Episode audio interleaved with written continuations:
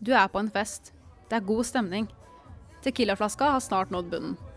På stuebordet blant tomme ølbokser og oppspiste limebåter tar Ina fram stæsjet og begynner å rulle en joint. Hun tenner den på og sender den på rundgang. Alle tar et drag. Den stopper hos deg, og du nøler. Det her har du aldri gjort før. Alles blikk er festa på deg. Kom igjen, da. Hva, hva er det du stresser for? Bare, bare ta et drag. Du vil ikke innrømme frykten for å bli tatt av politiet, og at den USA-turen du har planlagt i et halvt år, går i dass. Likevel tar du jointen mellom leppene og puster inn. Se også for deg at det oppstår en konflikt. Kanskje Ina sklei på en limebåt, eller kanskje Jakob slo hodet i veggen litt for hardt. Du skal til å ringe politiet, men blir stoppet av en kompis som forteller at uh, politiet de er de siste du skal ta kontakt med nå. Dere har jo narkotika i kroppen og liggende rundt i huset. Nå hørte du vår reporter Samar Nori illustrere scenarioer som på hver sin side bekymrer politikerne når vi snakker om den foreslåtte rusreformen. I denne episoden skal vi gå dypere inn i hva reformen faktisk innebærer. Hello.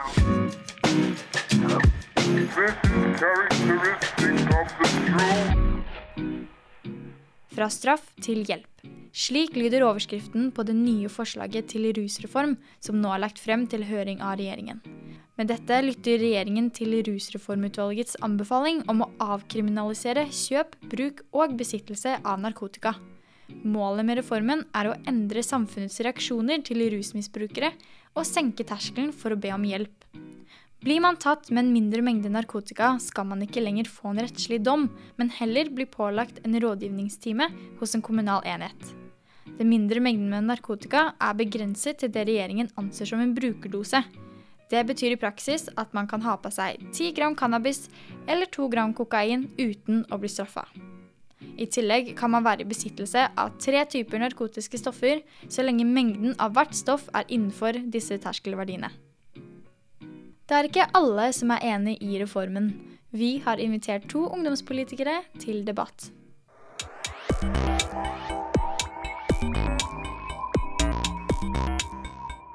Med oss her i studio i dag så har vi Bendikte Bjørnås, andre nestleder fra Unge Venstre, og Edel Marie Haukland, leder i KrFU.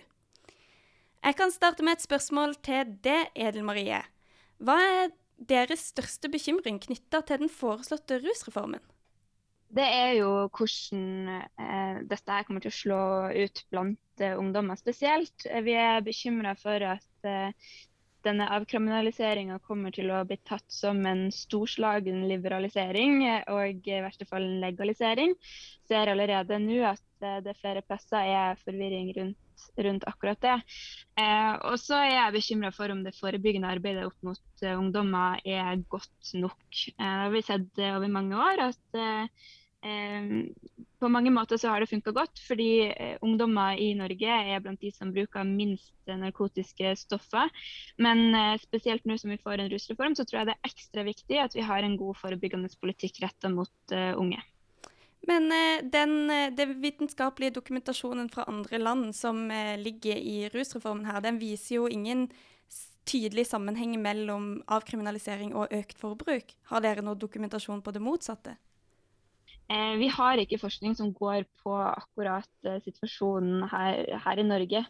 Men det sagt så, så, er jo vi veldig for at, eh, at ansvaret skal flyttes fra justis til helse. Vi syns det er kjempefint at det skal eh, settes i gang tiltak på, på helsefronten. At det skal være mer helsehjelp, også til de som ikke er de tyngste brukere nødvendigvis. Men at man eh, finner alternative måter å sanksjonere ulovlig rusbruk på. Da kan eh, Bendikte få lov til svar på dette. Ja, denne rusreformen som regjeringa har lagt, for, for, uh, har lagt fram, uh, den uh, kommer jo fortsatt til Altså det er fortsatt ulovlig å, å besitte og bruke og kjøpe illegale rusmidler. Eh, og som du jo er inne på, Edel, så handler det jo dette om at man skal eh, sanksjonere på en annen måte. At man skal tilby helsehjelp eh, i stedet for straff. Og det er jo fordi at vi vet at straff ikke fungerer. Og studier som er publisert på European Monitoring Center for Drugs and Drug Addiction, sier jo at, altså som da har tatt, som tar utgangspunkt i land som allerede har eh, avkriminalisert, eller på andre måter sanksjonerer eh, mindre på andre måter enn ved straff eh, for eh, bruk eh, og besittelse av illegale rusmidler, viser jo at det er ingenting som tyder på at avkriminalisering og økt forbruk av narkotika henger sammen. Så ja, Derfor så lurer jeg på hvorfor liksom, denne moralismen som KrFU kommer mye med, eh, er viktigere enn at vi begynner å se på eh, folk som har et rusproblem, eh, og også bare ungdom som, eh, som, eksperimenterer med illegale stoffer. Hvorfor det er viktigere å til, eh, enn å tilby disse eh, hjelp, da. Eden Marie, du kan komme med en kort kommentar til det. Ja, jeg skjønner ikke helt hva Benedicte mener med moralisering. fordi Vi i KrFU har jo i mange mange år vært veldig opptatt av nettopp det her, at det her må flyttes fra justis og til helse. At det her handler om mennesker med helseutfordring. Men så er det et sammensatt eh, bilde også, fordi det også handler om mennesker som ikke har et rusproblem, men som likevel velger å bruke illegale rusmidler. Da har vi vært kjempetydelige på at eh, vår ruspolitikk har et mål om at færrest mulig skal, ha, skal eh, bruke og misbruke narkotiske stoffer. Det er KrFU sitt mål med ruspolitikken vår. Så vet jeg jo at Unge Venstre har et annet mål med, med sitt sin ruspolitikk. Men eh, det her handler ikke om moralisme. Det her handler om at vi skal ha et samfunn som er trygt for alle mennesker, også de som har et rusproblem, også de som vokser opp i et hjem der det er rusproblemer. Og da er det viktig at vi har en politikk som ikke bare eh, ja, som klarer å ha ulike tanker i hodet på én gang. og Derfor mener vi at norsk ruspolitikk må være preventiv.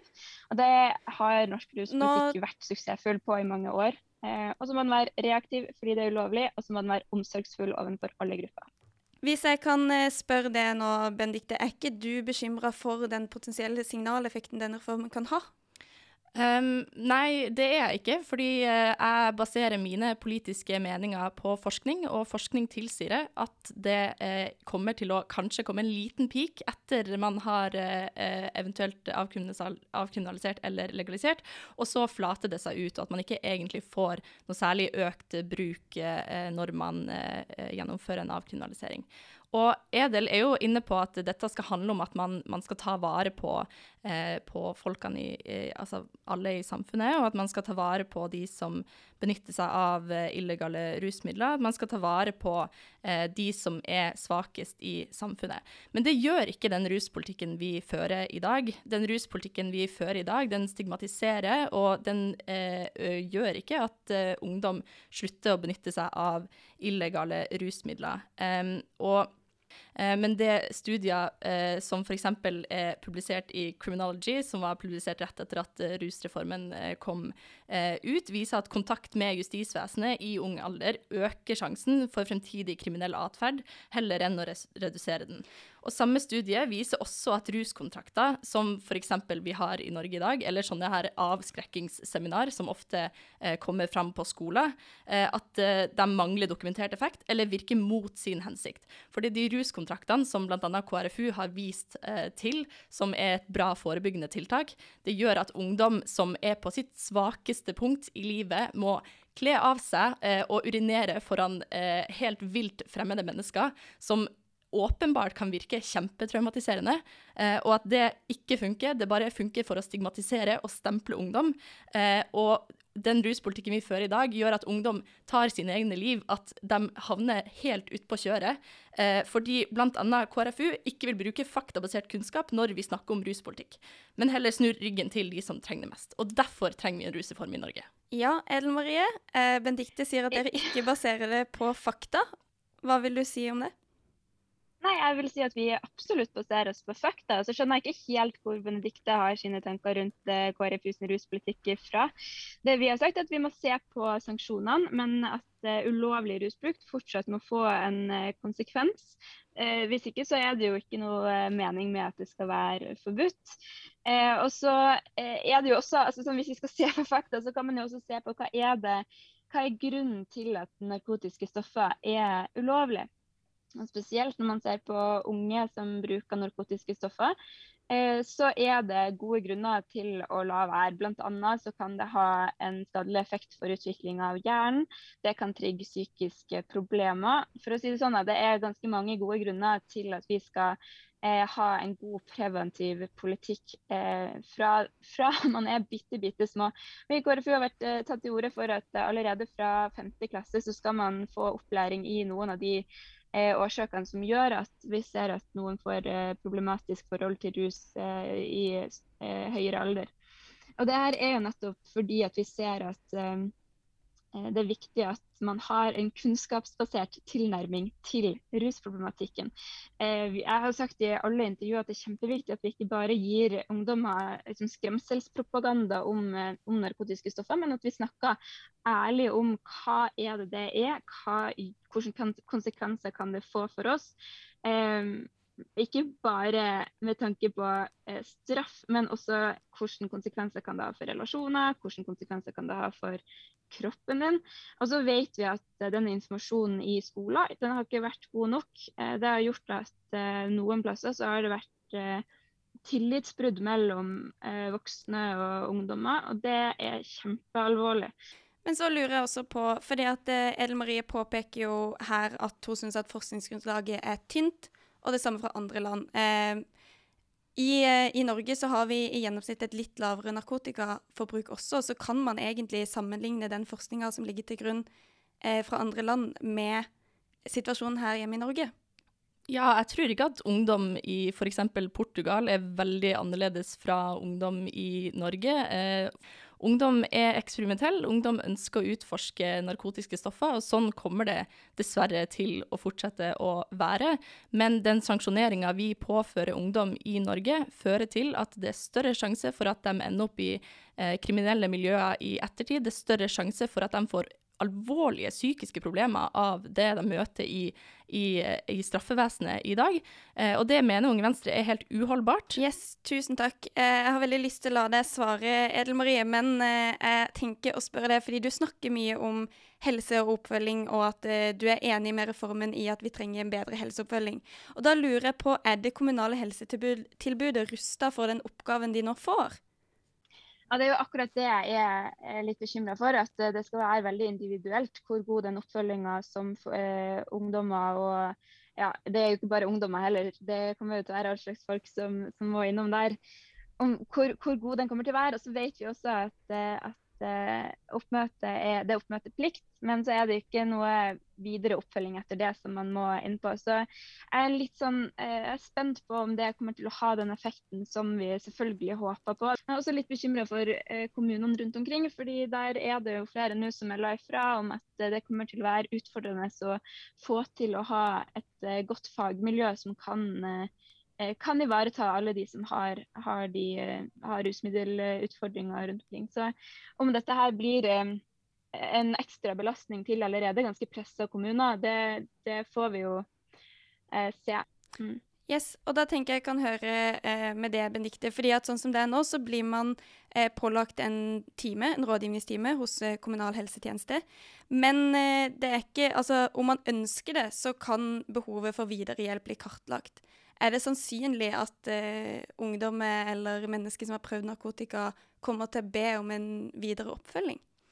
Ja, så som det er med den, eh, den timen man får, eh, så skal man jo bl.a. få informasjon om rusmidler man bruker, informasjon om, eh, om skadebildet ved bruk av eh, rusmidler osv., eh, som jo er utrolig bra. Som jeg og Edel jo er enig i, at det er en kjempefin eh, måte å ja, og informere folk om, om rusmiddel på.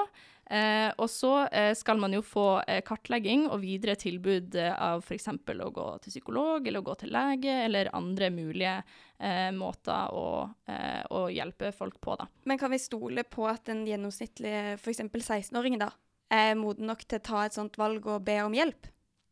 Ja, det mener jeg absolutt. Og det er jo der den timen kommer inn, som skal sikre at man får all informasjon man trenger eh, om eh, ja, skadevirkningene av stoffet man bruker, og, og også eh, mulighetene for hjelp videre. Og så kan det jo også være at eh, den 16-åringen f.eks. brukte eh, hasj eh, for første gang når de ble tatt, og skjønner at OK, det var ikke så lurt da slutter jeg med det.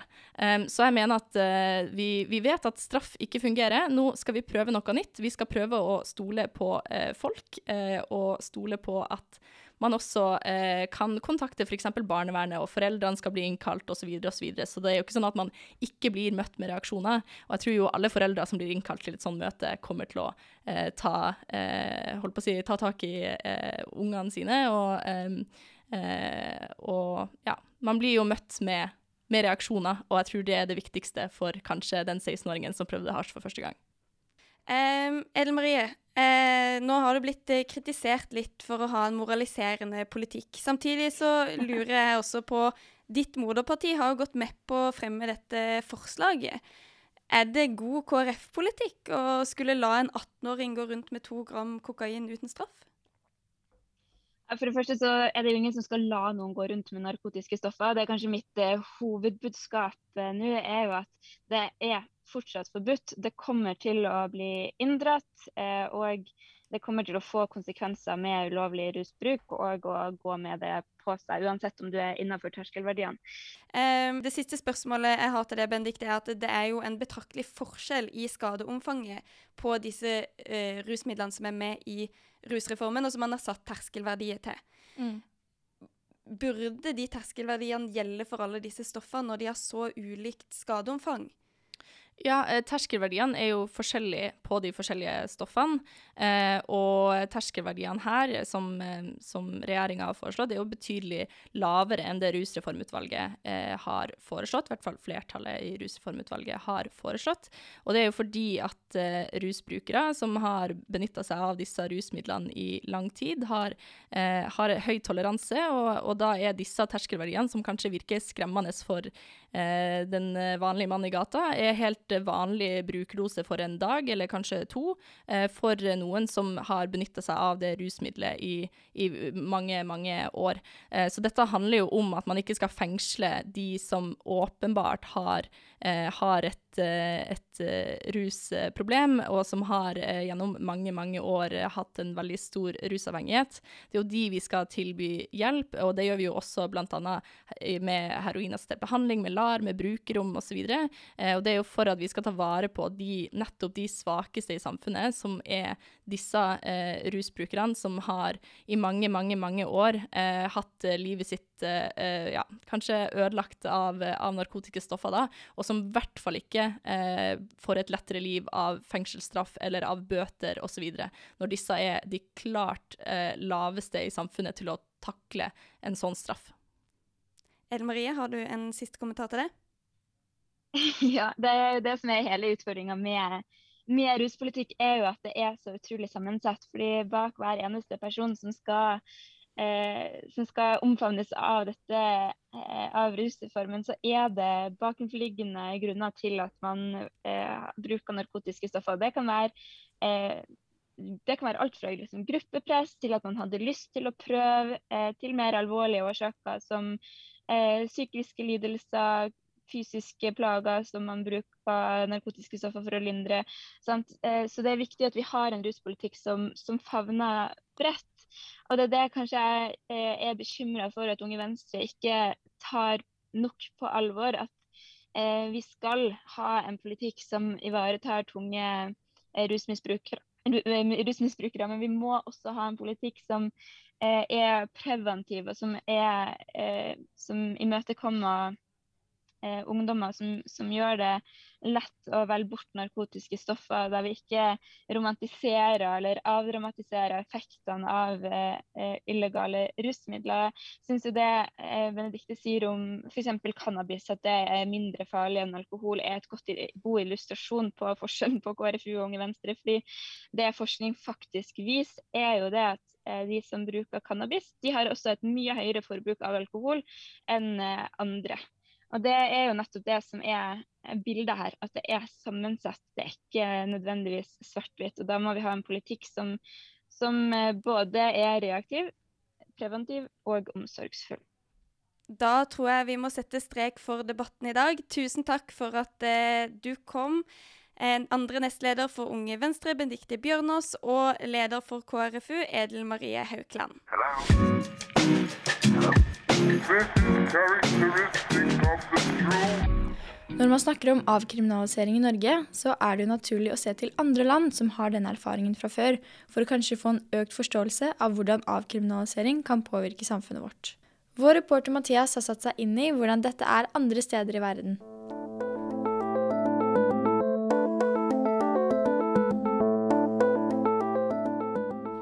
Det er få land som har gått inn for avkriminalisering av hardere narkotiske stoffer. Cannabis har begynt å bli avkriminalisert og legalisert i flere og flere land, men de fleste opprettholder en hardere linje for tyngre stoff. Et av de landene som har lengst erfaring med avkriminalisering, er Portugal, som innførte en ny rusreform i 2001. Denne reformen ligner mye på den som snart skal på høring i Stortinget. Ifølge portugisisk lov kan du bli tatt for mengder opptil ti dagers forbruk uten å risikere fengselsstraff. Hvis man overskrider disse tersklene, vil man bli referert til et lag bestående av medisinsk personale, sosialarbeidere og lovlige fagfolk. Ikke særlig ulikt forslaget som ligger ute i Norge. Portugal har blitt hylla for sin ruspolitikk, og avkriminaliseringa har vist til gode resultater. Ifølge statistikk fra forskning.no så har bruken av samtlige stoffer i Portugal gått ned siden 2001. I tillegg har dødsraten knytta til bruk sunket med 75% og narkotikarelaterte hiv-infeksjoner har sunket med 95% ifølge European Drug Report fra 2015. Politikere representerer jo ikke hele den norske befolkningen. Derfor dro to av våre reportere ut på gata. Har du noen meninger om den nye rusreformen? Jeg har ikke noen veldig sterke meninger, men uh, i utgangspunktet så tror jeg avkriminalisering er en bedre um, løsning for å, for å håndtere uh, rus da, som et problem i samfunnet. Ja, nei, det, Jeg føler det kommer litt an på hva slags uh, type narkotika det er. ja. Så vidt jeg kan se er det en fornuftig reform. Fordi uh, det løses opp på, på, på, slike ting over hele verden. Og man legaliserer milde narkotiske stoffer. Og jeg kan ikke se noen grunn til at vi ikke skal gjøre det også i Norge. Jeg tenkte jo litt grann når jeg hørte det på radioen. Eh, eh, så tenkte jeg at det kan jo både være positivt og negativt, men jeg landa vel egentlig ikke akkurat på noe sånn direkte Jeg tenker jo narkotika aldri er bra, egentlig. Det er jo mitt standpunkt. Så, så jeg må jo heller ta heller den veien da, enn at det er bra. Men uh, hva syns du egentlig om at unge potensielt kan gå rundt med f.eks. 10 gram hasj uten å få straff for det? Jeg syns ikke noe om det. For begynner man med litt, så kan jo det utvikle seg. Og man kan jo nå veldig mange andre unge og ja, folk som ikke helt greier å styre sine lyster. Jeg vil jo tro at de som er på en måte mer alvorlig kriminelle, da, eh, som driver med rus, altså salg, salg, og distributering, at de sannsynligvis vil ha mer enn ti gram på seg. Så da på en måte er det først og fremst eh, brukere da, som ikke blir utsatt for straff ved en sånn, uh, sånn, grense. Hvordan tror du rusreformen kommer til å påvirke samfunnet? Jeg vil tro positivt. I og med at man slipper å sette folk i fengsel og, og bøtelegge dem for, uh, for sånne forseelser. Kanskje heller positivt, fordi det liksom blir Ja, trenger ikke å være så mye kriminalitet for å få tak i ting. Jeg vet ikke. Ja. Eh, det kan hende det blir en omp oppblomstring da, i narkotikabruk. Eh, I hvert fall sånn for å begynne med. Så kan det hende det stagnerer litt etter hvert, men eh, ja. Jeg tror ikke det er noe bra. Om det blir ny rusreform eller ikke, får vi først vite innen mai i år, da den skal stemmes over på Stortinget. Denne episoden er laget av reportere Samar Nori, Hanna Marie Rolstad, Mathias Hagfors, debattleder Sara Sofie Talleksen, tekniker Michelle Sandmann og meg, Tina Sletten.